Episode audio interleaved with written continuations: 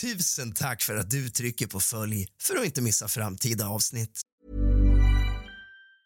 Everyone knows therapy is great for solving problems, but getting therapy has its own problems too, like finding the right therapist, fitting into their schedule, and of course, the cost. Well, BetterHelp can solve those problems. It's totally online and built around your schedule. It's surprisingly affordable too. Connect with a credentialed therapist by phone, video, or online chat, all from the comfort of your home. Visit betterhelp.com to learn more and save 10% on your first month. That's BetterHelp, H E L P. Ryan Reynolds here from Mint Mobile. With the price of just about everything going up during inflation, we thought we'd bring our prices down. So to help us, we brought in a reverse auctioneer, which is apparently a thing. Mint Mobile unlimited premium wireless. Ready to get 30, 30, bit to get 30, bit to get 20, 20, 20, bit to get 20, 20, bit to get 15, 15, 15, 15 just 15 bucks a month. So, Give it a try at mintmobile.com slash switch. $45 upfront for three months plus taxes and fees. Promo for new customers for limited time. Unlimited more than 40 gigabytes per month. Slows. Full terms at mintmobile.com. Life is full of what ifs. Some awesome, like what if AI could fold your laundry? And some, well, less awesome, like what if you have unexpected medical costs? United Healthcare can help get you covered with Health Protector Guard fixed indemnity insurance plans. They supplement your primary plan to help you manage out of pocket costs. No deductibles, no enrollment periods, and especially no more what ifs. Visit uh1.com to find the Health Protector Guard plan for you.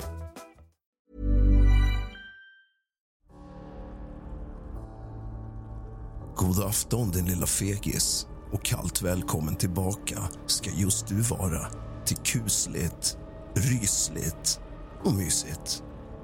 Idag ska vi ta del av ett avsnitt som handlar om mördare genom tiderna från viktoriansk era fram till idag. Den här veckan är kusligt, rysligt och mysigt på semester i Sälen. Men jag jobbar på nytt content som ni kommer få ta del av. Men under tiden fram till söndag så kommer jag att bjuda er på lite temaavsnitt. Jag kommer välja tema, säg spöken och klippa ihop de avsnitten som jag personligen tycker har varit bäst. Det finns runt 200 avsnitt, så att det finns väldigt mycket att ta del av. Idag ska det som sagt handla om mördare. Imorgon får ni se vad det avsnittet kommer handla om. Tycker man om podden och vill sponsra den via Swish så får man jättegärna göra det. Jag har ingen Patreon och det finns inga andra medlemssidor för exklusivt medlemmar utan allt kusligt, rysligt och mysigt content finns tillgängliga för alla. Om man det till trots känner att man vill bidra bara för att man gillar podden så är numret 076 833 1412. Luta dig tillbaka, din fegis, för nu sätter vi igång.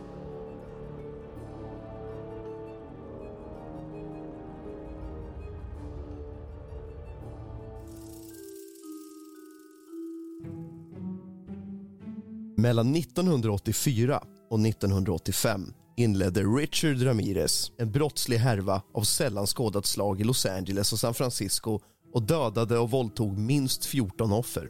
Ramirez var känd för sin förkärlek för att jaga nattetid och fick det passande smeknamnet Night Stalker. Hans dåd chockade nationen med sin grymma och kraftfulla karaktär och skrämde otaliga män och kvinnor över hela USA. Efter att ha fångats 1985 utvecklade Ramirez en kultliknande skara anhängare varav en gifte sig med honom 1996 medan han satt i en dödscell. Före sitt raseriutbrott var Ramirez en tickande tidsinställd bomb indoktrinerad och drabbad av ett flertalet viktiga drivkrafter som ledde till hans rad av katastrofala gärningar.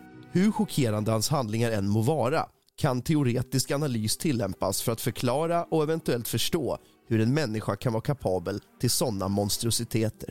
Richard Leiva Minos Ramirez föddes den 29 februari 1960 i El Paso, Texas som son till de mexikanska invandrarna Mercedes och Julian Ramirez. Julian, en före detta polis från URS, hade ett fast jobb och arbetade för Santa Fe-järnvägen. Mercedes arbetade hos den texanska skomakaren Tony Lama och målade och behandlade stövlar med kemikalier som bensen, tolen och xylen. På 1950-talet hade man inte upptäckt den extrema giftigheten hos bensen, tolen och xylen så Mercedes arbetade med dessa kemikalier utan någon form av ventilation eller skydd. När hon var gravid med Richard, hennes femte och sista barn sökte hon upp en specialist för den extrema smärta och det obehag som hon upplevde till följd av att ha fått i sig de giftiga kemikalierna. Redan i femte månaden av graviditeten informerade läkaren om att hon omedelbart borde sluta sitt arbete på fabriken. Annars skulle hennes barn dö före födseln. Hon slutade omedelbart och Richard föddes utan problem. Som bebis grät Richie, som han kallades av sin familj, inte mycket och åt och sov bra. Han ansågs på alla sätt och vis vara ett friskt barn. När Richard var två år gammal föll en stor byrå över honom och lämnade honom medvetslös. Han fördes snabbt till sjukhus där han fick 30 stygn i pannan. Detta var det första av två traumatiska huvudskador som han fick som litet barn. Under sin uppväxt växte Richard upp i ett hushåll som hade det svårt. Båda hans föräldrar arbetade större delen av dagen och hans äldre syskon hamnade ofta i trubbel. Richards far Julian hade ett uppflammande temperament och disciplinerade regelbundet sina barn genom att slå dem hårt. När Julian var särskilt arg kunde han ge efter för självskadebeteende genom att slå sitt huvud mot en vägg eller med en hammare. Vid fem års ålder fick Richard sin andra traumatiska huvudskada och fick sys efter att ha blivit nedslagen av sin syster på en gunga. I femte klass fick han diagnosen temporal obsepilepsi efter att ha fått anfall i skolan. Som barn ansågs han vara en bra elev som var uppmärksam på lektionerna och inte hade disciplinproblem. Enligt vittnesmål kan Richard ha blivit ofredad av en lärare som ofta utnyttjade hans bröder, även om han hävdar att han inte minns några specifika incidenter. Han bevittnade också en pedofil i grannskapet som sodomiserade en pojke från trakten med en ljusstake. När Richard var 12 år gammal återvände hans kusin från Vietnam. Hans kusin Miguel var en idol för Richard och visade honom ofta och många bilder från sin tid i kriget. En uppsättning bilder visade hur han fick en avsugning av en vietnamesisk kvinna medan han höll en pistol mot hennes huvud och en senare bild där han höll samma kvinnas halshuggna huvud. Tillsammans med dessa bilder berättade Miguel för Richard extremt grafiska historier om våldtäkter och mord under sin tid i Vietnam. Richard upptäckte snabbt att han blev sexuellt upphetsad av dessa berättelser och bilder. Och vid 13 års ålder fick Richard bevittna när Miguel sköt sin fru till döds efter ett gräl. Efter denna händelse tappade han helt intresset för skolan och fokuserade på att stjäla och röka marijuana med vänner. Ungefär vid den här tiden besökte Richard Los Angeles för första gången för att träffa sin äldre bror. Han lockades av stadens storlek och rikedom och de oändliga möjligheterna att begå brott. När Richard blev äldre började han intressera sig för heavy metal, särskilt AC/DC och sprang ofta runt med en grupp som hela tiden rökte marijuana, rånade hus och bilar. Han utvecklade också intressen för krigskonst, skräckfilmer och jakt. Han förföljde och jagade kaniner, prärievargar och fåglar för att sedan rensa dem och mata sin hund med inälvorna. Richard utvecklade snabbt ett rykte som inbrottstjuv och skickades därefter vid 17 års ålder till ett ungdomsläger för ungdomsbrottslingar i Texas. När han återvände från lägret hoppade han helt av skolan och kort därefter hade han sin första sexuella erfarenhet med en prostituerad. Och vid 18 års ålder flyttade han till Los Angeles och blev en hängiven anhängare av Satans kyrka. Under sin tid i Los Angeles blev Richard en stor kokain och alkoholmissbrukare vanor som han finansierade genom sina nattliga stölder. Under denna period arresterades han flera gånger för olika stölder. Richard tillbringade de flesta av sina dagar ensam med att injicera kokain och titta på tv. På nätterna rånade han hus och bilar och plockade upp prostituerade. Han slutade helt och hållet att bry sig om sin hygien och höll en diet som mest bestod av godis, vilket orsakade karies. Den 28 juni 1984 begick Richard sitt första av en rad mord.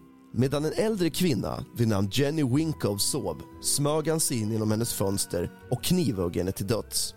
Han våldtog henne sedan och flyttade hennes döda kropp ifrån platsen. Senare, i mars 1985, begick Richard ytterligare fyra mord. Först följde han efter en ung kvinna in i hennes lägenhet och sköt men inte dödade henne. Sedan sköt och dödade han hennes rumskamrat och flydde från platsen. Cirka en timme senare mördade han ytterligare en ung kvinna genom att dra henne ur hennes bil och skjuta henne på vägen efter att hon försökt konfrontera honom efter att han hade förföljt henne i sin bil. Richard trodde att Satan vägledde och skyddade honom medan han begick sina brott och motiverade honom att fortsätta och utvidga sina onda handlingar. Senare samma månad bröt sig Richard in i ett äldre pars hus och sköt maken i huvudet medan han sov. Medan Richard sedan plundrade huset på värdesaker drog hustrun ett hagelgevär och försökte skjuta honom, men geväret var inte laddat. Richard var förvånad men oskadd och fortsatte att skjuta henne tre gånger och bestämde sig sen för att lemlästa hennes kropp. Han ristade in ett upp och nervänt kors i hennes bröst, gröpte ur hennes ögon och gjorde ett misslyckat försök till att ha sex med liket. Några månader senare begick Richard sin nästa rad av grymma brott. Han smög sig in i huset hos en pensionerad försäljningschef från ett lastbilsföretag och inspekterade i smyg hemmets insida. När Richard kom in i pensionärens sovrum hörde mannen hur han förberedde sin pistol och drog fram ett eget skjutvapen ur sin nattdukslåda. Hans instinkter var dock inte tillräckligt snabba och Richard sköt honom i ansiktet. Han gick sedan in i sovrummet till mannens handikappade fru för att våldta henne. Därefter tog han alla värdesaker han kunde hitta i huset och flydde från platsen. På något sätt överlevde mannen skottet och kunde ringa polisen men han dog tyvärr i ambulansen. Från maj till augusti 1985 begick han en massiv serie våldtäkter, rån och mord med en mängd olika vapen bland annat ett däckjärn, olika knivar och sin pistol. Offren var mellan 6 och 75 år gamla och i samband med brotten lemlästade han lik och målade och ristade in pentagram på brottsplatserna och kropparna. Hans sista attack ägde rum den 24 augusti 1985. Han smög sig in genom bakdörren till ett ungt pars hus och sköt mannen tre gånger i huvudet. Därefter band han kvinnan med slipsar och våldtog henne och sodomiserade henne. Richard genomsökte sedan huset efter värdesaker och sa till kvinnan Säg att Nightstalker var här. Sedan flydde han från platsen. Mirakulöst nog överlevde mannen skotten och kvinnan kunde ge en detaljerad redogörelse för sitt möte med The Night Stalker till polisen. Polisen lokaliserade sedan Richards stulna bil och kunde ta fingeravtryck från insidan vilket gjorde att de kunde identifiera Richard Ramirez som sin misstänkte. Efter att ha försökt besöka sin bror i Tucson, Arizona återvände Richard till Los Angeles utan att veta att han var efterlyst. Strax efter sin återkomst försökte han stjäla en bil från en kvinna men jagades av en arg folkmassa som slog honom sanslöst till polisen kom till platsen. När Richard greps anklagades han för 13 mord, 5 mordförsök, 11 sexuella övergrepp och 14 inbrott. Han dömdes följaktligen till döds i gaskammaren och tillbringade resten av sitt liv i dödscellen. Vid 53 års ålder dog Richard Ramirez av komplikationer till följd av B-cellslymfom. Richard Ramirez uppfyller på ett imponerande sätt alla tre kvalificeringar av en hedonistisk mördare. Som barn upptäckte han att han fick en intensiv sexuell upphetsning av sin kusins bilder och muntliga berättelser om våldtäkt och mord i Vietnam. Denna intensiva upphetsning var en nyckelkomponent i hans brutala attacker eftersom han var sexuellt laddad av att döda. Han våldtog och sodomiserade också ofta sina offer vilket identifierar honom som en lustorienterad mördare. Han motiverades också av den sadistiska njutningen av att slå och tortera sina offer.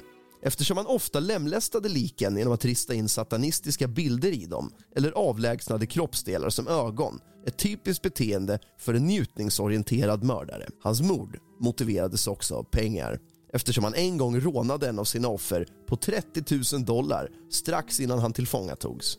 Han rånade vanligtvis sina offer för att stödja sitt drogmissbruk och sin livsstil. Richard kan betraktas som en arketyp av den oorganiserade asociala lustmördaren. Han var under genomsnittlig intelligens eftersom han slutade uppmärksamma skolan vid 13 års ålder och hoppade av innan han tog examen. Han var socialt otillräcklig och ägnade absolut ingen uppmärksamhet åt sin hygien eller sitt utseende för andra. Han var av låg födelseordning, den femte av fem barn och var offer för extremt hård disciplin från sin far. Han levde helt ensam och tillbringade de flesta av sina dagar med att titta på tv och ta kokain.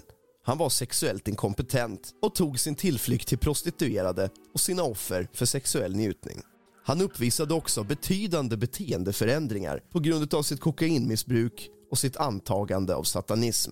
Han hade inget arbete och förlitade sig på inbrott för att försörja sin livsstil. Hans brottsplatser var också ytterst typiska för en oorganiserad asocial lustmördare. Han planerade sällan eller aldrig sina brott.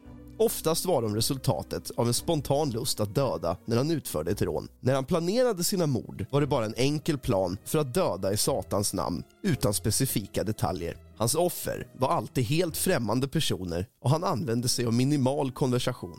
Hans sällsynta dialog innefattade oftast något som hade med Satan att göra. Han la sällan någon möda på att dölja sina offer eller att städa upp brottsplatsen även om han ibland försökte torka efter fingeravtryck. Han försökte också ofta ha sex med liken av sina offer. Affektiva förändringar i samband med hans hjärnskador inkluderar extrema maniska tillstånd där Richard gav sig ut på mordserier för att få allmänhetens uppmärksamhet och behaga Satan. Och det påstås att bland den farligaste typen av person är en person med hjärnskador som tar psykoaktiva droger. Richard Ramirez drabbades av många hjärnskador under sitt liv och var en stor användare av psykoaktiva substanser vilket innebär att han kan anses vara den farligaste typen av person. Du har lyssnat på avsnitt 4 av kusligt, rysligt och mysigt med mig, Rask.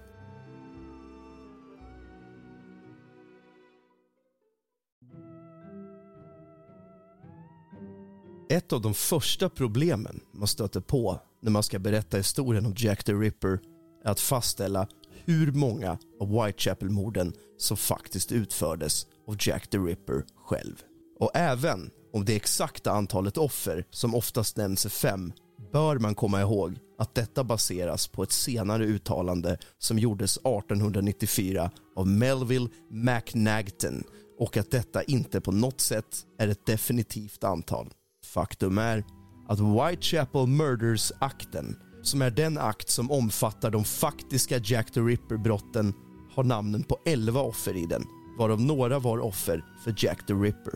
Några kan ha varit det och flera var det med största säkerhet inte. Man brukar tala om de kanoniska fem, vilket är de fem namn som oftast framförs och som ofta kallas de kanoniska fem som mördades av Jack the Ripper. Och de är Mary Nichols, mördad den 31 augusti 1888. Annie Chapman, mördad den 8 september 1888. Och den svenske Elizabeth Stride, som är född och uppvuxen i Sverige men som lämnade för England, mördades den 30 september 1888. Catherine Eddowes mördades den 30 september 1888. Mary Kelly mördad den 9 november 1888. Sen har vi M. Smith som inte tillhör de kanoniska fem men är det första offret i Whitechapel-morden. Akten innehåller också namn på två offer som mördades före Mary Nichols vars kropp hittades den 31 augusti 1888. Den första av dessa offer var Emma Smith som attackerades tidigt på morgonen den 3 april 1888.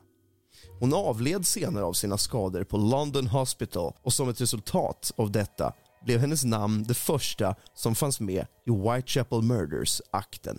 Emma Smith var med största sannolikhet inte ett offer för Jack the Ripper. Innan hon dog kunde hon berätta för läkaren som behandlade henne på Londonsjukhuset att hon hade blivit attackerad av ett lokalt gäng. Några månader senare, den 7 augusti 1888 hittades Martha Tabrams kropp i George Yard på en smutsig gata som ledde och som fortfarande leder till Whitechapel High Street. Hon hade utsatts för en fruktansvärd och mycket våldsam attack under vilken hon hade fått 39 rasande knivhugg i halsen, bröstet och buken. Martha Tabram, även kallad Martha Turner, kan, eller kanske inte, ha varit ett offer för den brottsling som senare blev känd som Jack the Ripper. Det som talar emot att hon skulle ha varit ett offer är att hennes hals inte hade skurits av och att hon inte hade blivit urholkad, skador som nästan alla av de kanoniska fem offer senare skulle få utstå. Bevisen som talar för att hon skulle ha varit ett offer är att hennes mördare hade riktat in sig på hennes hals och buk precis som Jack the Ripper skulle göra med de kanoniska fem offren lite senare. Men än idag vet man inte om Martha Tabram var Jack the Rippers första offer. Sommaren var slut och det började lida mot höst. Det var sent på kvällen och den täta dimman låg tjock på Londons gator. Detta var en brutal attack och Jack the Ripper skar halsen av henne och tog ut hennes inälvor ur kroppen. Vi är välsignade med vår efterklokhet och kan nu se tillbaka på mordet på Mary Nichols och fastställa att detta brott var början på Jack the Rippers så kallade skräckvälde. Men polisen på den tiden saknade lyxen av sån säkerhet. De kopplade samman mordet på Mary Nichols med mordet på Martha Tabram och många av de poliser som arbetade med fallet trodde att Martha verkligen var det första av Jack the Rippers sex offer. Dessutom påverkades de också, åtminstone i början, av Emma Smiths påstående att hon hade blivit attackerad av ett lokalt gäng till att tro att brotten faktiskt var gängrelaterade. Inspektör Aberline tar över ansvaret. Därefter beslutades det att utredningen måste ledas av en polis som har god kännedom om den kriminella underjorden i East End. I början av september 1888 kom därför inspektör Frederick George Aberline som innan han befordrades från området året innan hade tillbringat nästan 14 år som inspektör i det distrikt där brotten begicks.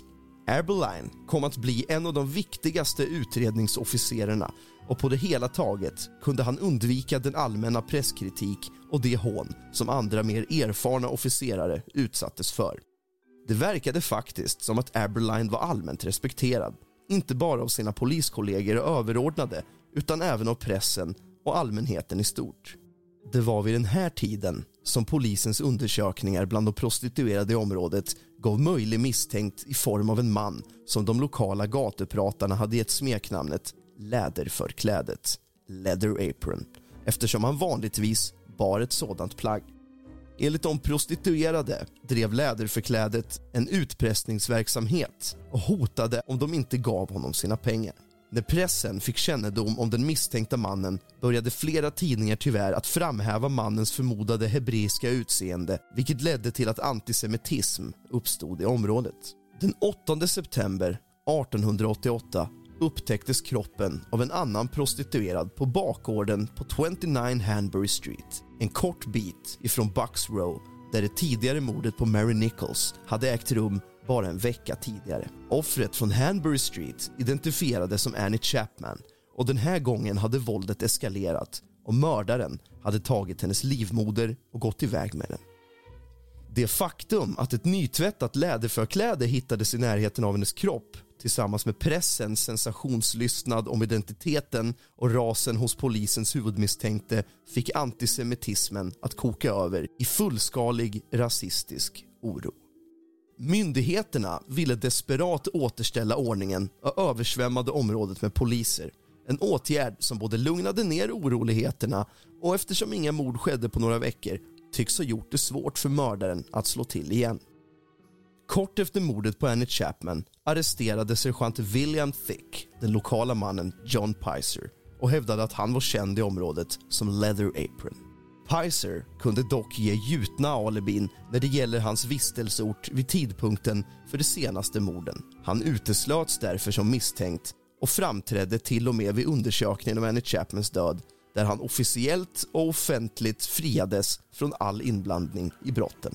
Den 10 september 1888 bildade en grupp lokala affärsmän och handlare Mile End Vigilance Committee och valde den lokala byggaren George Lusk till ordförande. Som ett resultat av sin verksamhet i Medborgargarden blev George Lusk något av en lokal kändis och hans namn började dyka upp regelbundet i tidningarna. Under tiden vid Annie Chapmans förhör uttryckte polisens divisionskirurg Dr. George Bagster Phillips sin åsikt att Annie Chapman hade mördats för att hennes mördare skulle kunna få tag på hennes livmoder.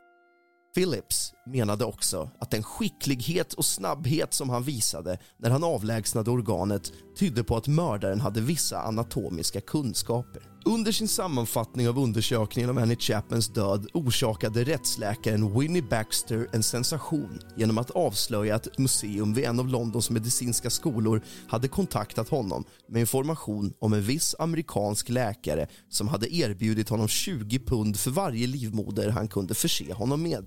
Baxter undrade om vetenskapen om detta krav hade fått någon sinnessjuk stackare att utföra det senaste mordet för att få tag på en livmoder som kunde säljas vidare med vinst. Det är onödigt att säga att Baxters avslöjanden och funderingar orsakade en absolut sensation, gav en bizarr twist av morden i Whitechapel. Läkarkåren själv var snabba med att motbevisa Baxters påståenden och det är intressant att notera att en sån teori inte nämndes vid någon av undersökningarna av de efterföljande offrens dödsfall. På Whitechapels gator kämpade polisen för att ställa mördaren inför rätta och fick mycket kritik i pressen för sin oförmåga att göra detta. Deras ökade närvaro verkade dock ha avskräckt mördaren och i slutet av september hade befolkningen i området börjat slappna av och många av dem trodde att mordvågen hade upphört. Men den 30 september 1888 återvände Whitechapel-mördaren och dödade två kvinnor på mindre än en timma. Det första offret var Elizabeth Stride vars kropp hittades av Louis Diemschutz när han vände sin ponny och vagn och åkte in på en mörk gård vid Burner Street klockan ett på natten. Det faktum att hennes hals hade skurits av men att resten av kroppen inte hade stympats fick polisen att anta att mördaren faktiskt hade avbrutits av Ditchmuts när han gick in på gården. Det andra offret den morgonen var Catherine Eddowes vars fruktansvärt lemlästade lik hittades på Mitre Square i London City klockan 1.45 på natten. Förutom de skador som Mary Nichols och Annie Chapman hade fått hade mördaren även lemlästat Catherine Eddows ansikte. Han hade också avlägsnat och gått iväg med hennes livmoder och vänstra njure. När polisen förföljde Jack the Ripper genom gatorna i Londons East End upptäckte de en ledtråd. I en dörröppning i den närbelägna Golston Street stötte en poliskonstapel Alfred Long som patrullerade i sitt område på en bit av Catherine Eddows blodiga förkläde i dörröppningen till ett hyreshus. På väggen ovanför förklädet fanns ett meddelande med krita som löd. Juice är de män som inte kommer att få skulden för ingenting.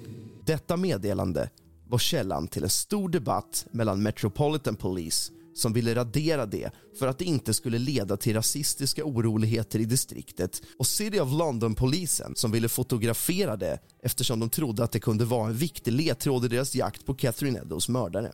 Oenigheten mellan de två styrkorna upphörde klockan 5.30 när Sir Charles Warren, Metropolitan Police Commissioner, anlände till platsen och beordrade att de omedelbart skulle raderas. I kölvattnet av det som pressen kallade dubbla händelsen beslutade polisen att offentliggöra ett brev som några dagar tidigare hade skickats till en nyhetsbyrå i London.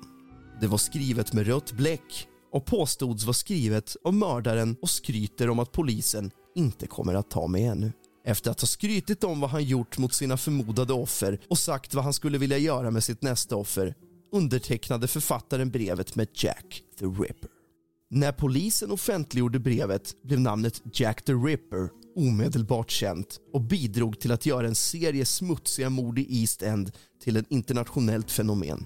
Man kan säkert säga att en del av anledningen till att just denna serie brott fortfarande är så berömd är på grund av namnet. Tyvärr visade det sig vara ett misstag att släppa brevet. Polisen kom snabbt fram till att det inte hade skrivits av mördaren utan att det istället var ett verk av en journalist från London. Namnet var dock så lockande att bluffmakare började skicka in brev med samma eller liknande signaturer. Ett av de mest kända av dessa skämtbrev skickades till George Lusk, ordförande i Mile Ends Vigilance Committee i mitten av oktober 1888. Det berömda brevet var adresserat från helvetet och innehöll en halv njure som han enligt brevets författare tagit från ett offer. Trots att det i pressen spekulerades om att den njure som skickades till Lusk verkligen var hälften av den njure som togs från Catherine Eddows kropp var polisen och läkarna eniga om att det i själva verket var ett sjukt spratt som utfördes av en läkarstudent.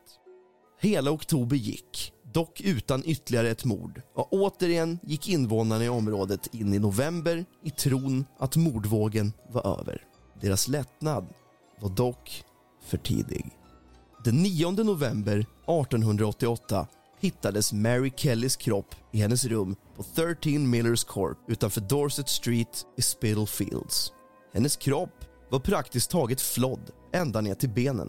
Stympningarna var faktiskt så omfattande och fruktansvärda att hennes älskare Joseph Barnett endast kunde identifiera henne med hjälp av ögon och öron.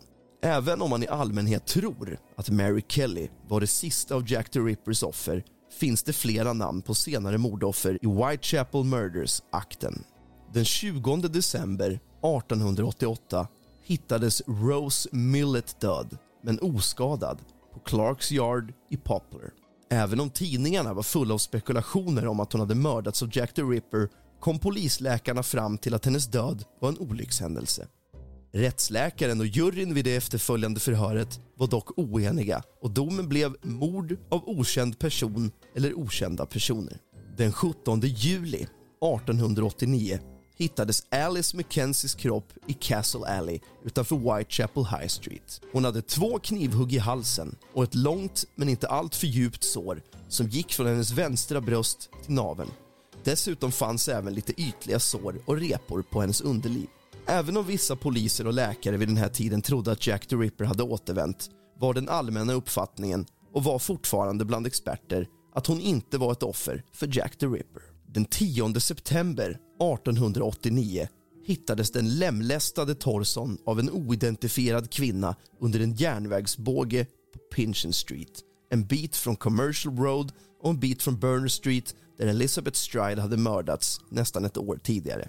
I tidningsrapporter vid den tiden nämndes likheter med lemlästningen av torson och de skador som Jack the Rippers offer hade fått. Men den dåvarande polischefen för Metropolitan Police James Monroe ansåg att tillvägagångssättet skilde sig från Jack the Rippers och uteslöt kvinnan från att vara ett av hans offer. Det sista namnet i Whitechapel Murders-akten är Frances Coles vars kropp hittades klockan 02.20 den 13 februari 1891 i Swallow Gardens of Mansell Street, inte långt ifrån Tower of London. Halsen hade skurits av, men hon hade inte fått några ytterligare stympningar. Det faktum att hon fortfarande levde när hon hittades av poliskonstapel Ernest Thompson ledde till spekulationer om att mördaren, liksom i fallet Elizabeth Stride, hade avbrutits. När det visade sig att hon tillbringat dagarna före sin död med en sjöman vid namn Thomas Sadler och att det inte bara hade varit inblandade i flera berusade bråk vid tiden för mordet på henne utan att han också hade sålt en spänningskniv kort efter mordet på henne arresterade polisen honom och betraktade honom som en trolig misstänkt inte bara för mordet på Francis Coles utan också för de andra morden. Fallet mot honom föll dock snart samman och Sadler friades från all inblandning och släpptes på fri fot. I och med mordet på Francis Coles av en eller flera okända personer avslutades Whitechapel-morden och kort därefter avslutades själva akten. Och än idag vet man inte med säkerhet vem Jack the Ripper faktiskt var. Du har lyssnat på avsnitt två av kusligt, rysligt och mysigt med mig, Rask.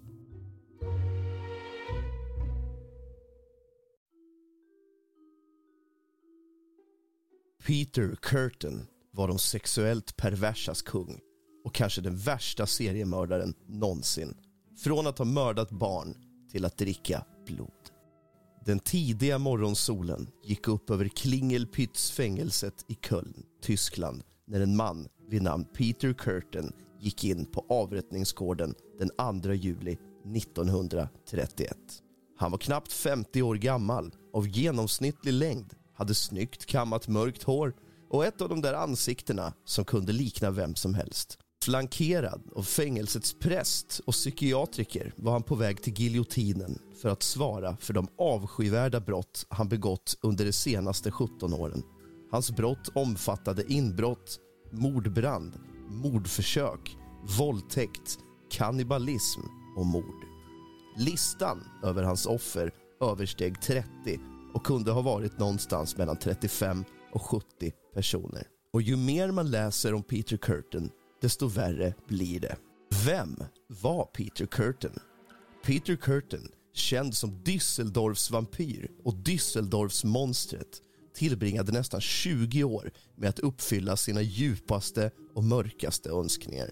Som barn hade han utsatts för övergrepp, slagits av sina alkoholiserade föräldrar och tvingats titta på när de hade sex. Innan han ens kommit in i tonåren hade han försökt dränka en av sina lekkamrater och blivit vän med en lokal hundfångare som lärde honom att tortera och döda de djur han fångade.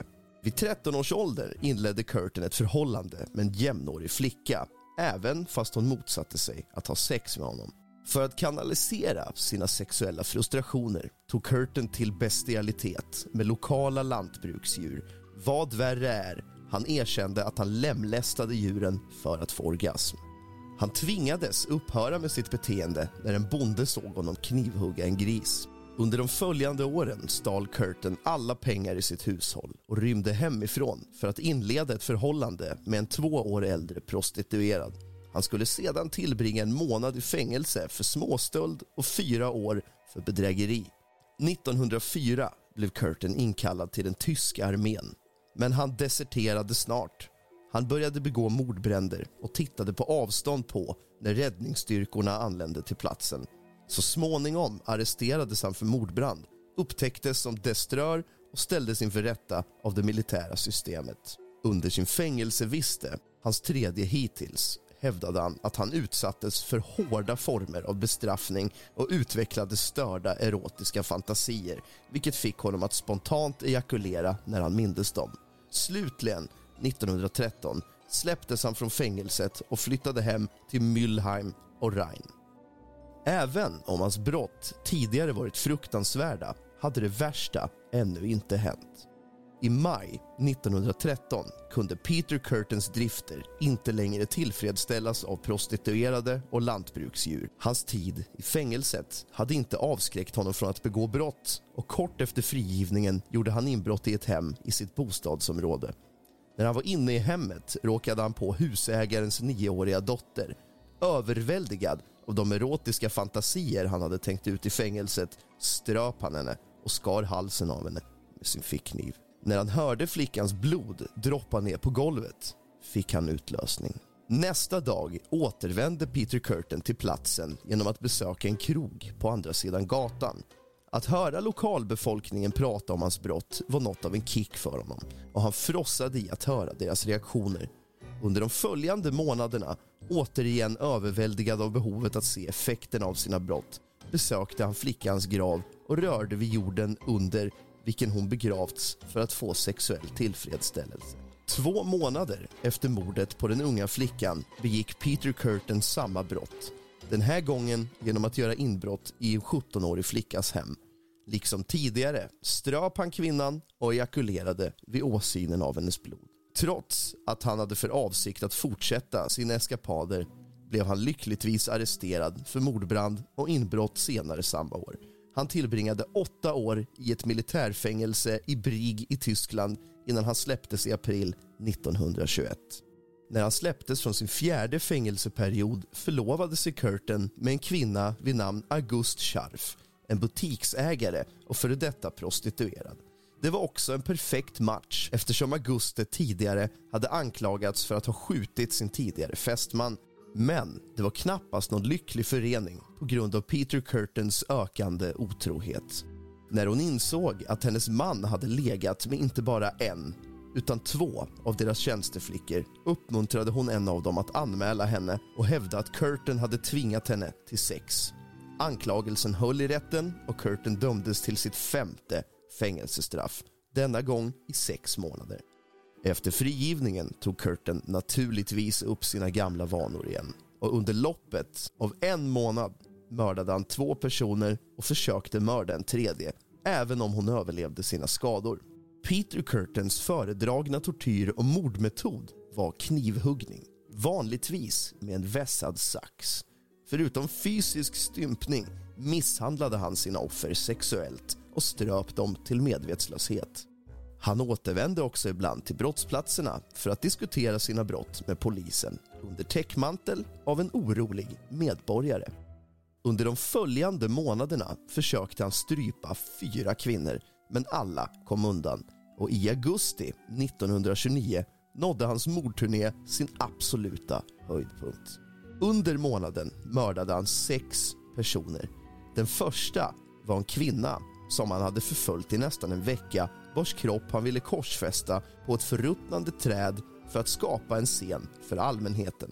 Till slut nöjde han sig med att begrava henne och han följde upp mordet med ett detaljerat brev till polisen och inkluderade en karta till hennes kropp. Efter att ha skrivit brevet bytte han i ett försök att avleda polisen från hans spår från sin karaktäristiska sax till en kniv. Han högg även tre slumpmässigt valda personer. En 18-årig flicka, en 30-årig man och en 37-årig kvinna som alla flydde men beskrev sin angripare på olika sätt vilket effektivt förvirrade polisen. Tre dagar efter de slumpmässiga knivattackerna mördade Peter Curtin ett par systrar. Den ena genom strypning och den andra genom att skära halsen av henne. För första gången ägnade sig Curtin åt kannibalism och drack den yngre flickans blod när det rann från hennes hals. Nästa månad mördade Peter Curtin två tjänsteflickor den här gången med en hammare för att slå dem över huvudet med. Han knivhögg också ett barn och lämnade henne död i en gränd i vad som skulle bli hans sista mord. Den 14 maj försökte Peter Curtin förföra och mörda en 20-årig kvinna vid namn Maria Budlick. Hon kom så långt som till hans lägenhet innan hon insåg hans avsikter och flydde från platsen. Hon anmälde dock inte till polisen utan beskrev istället händelsen i detalj i ett brev till en vän. Som tur var adresserade hon brevet felaktigt och det hamnade i händerna hos en postanställd som tack och lov lämnade över brevet till polisen. Samtidigt som polisen läste Budlicks brev bekände Peter Curtin sina brott för sin fru. Otroligt nog hade hon lyckats förbli gift med honom och var tydligen helt ovetande om hans brott. Eftersom Curtin visste att det fanns en belöning utlovad på honom föreslog han att hans fru skulle vara den som överlämnade honom. På så sätt skulle det finnas pengar kvar till henne efter hans förstående fängelsevistelse. Så snart han arresterats viker Peter Curtin ihop och erkänner omedelbart brotten utan att uttrycka någon ånger.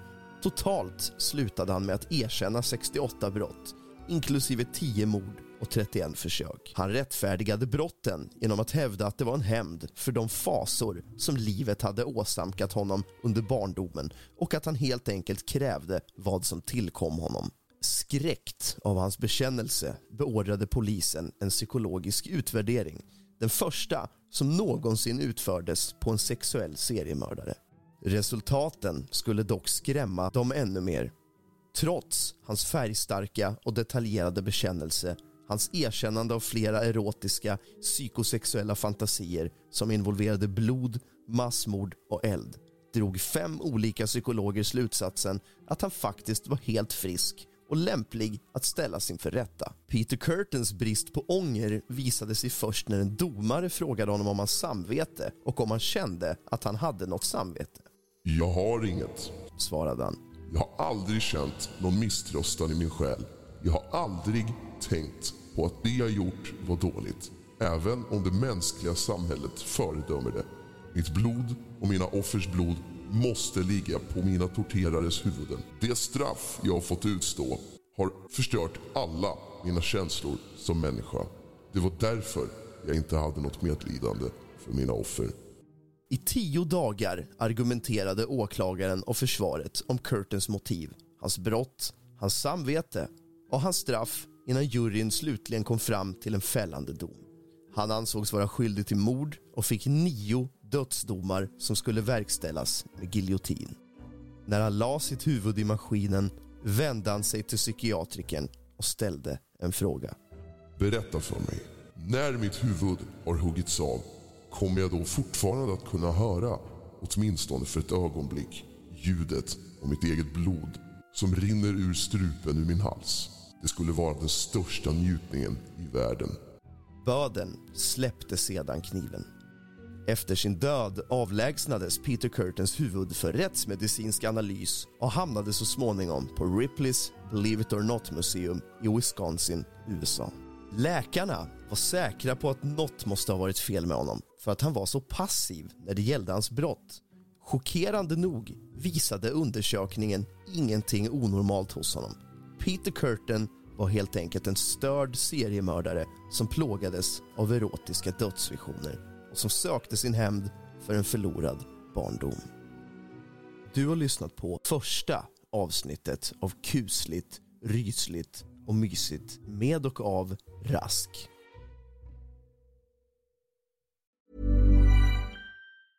When your skin feels nourished and glows, you radiate confidence. Osea makes giving your skin a glow up easy with their clean, clinically proven Mega Moisture Duo. This seaweed powered duo features two of Osea's best sellers, Undaria Algae Body Oil and Undaria Collagen Body Lotion. Glow from the inside out. Get 10% off your first order with code GLOW at OseaMalibu.com. That's O S E A Malibu.com code GLOW.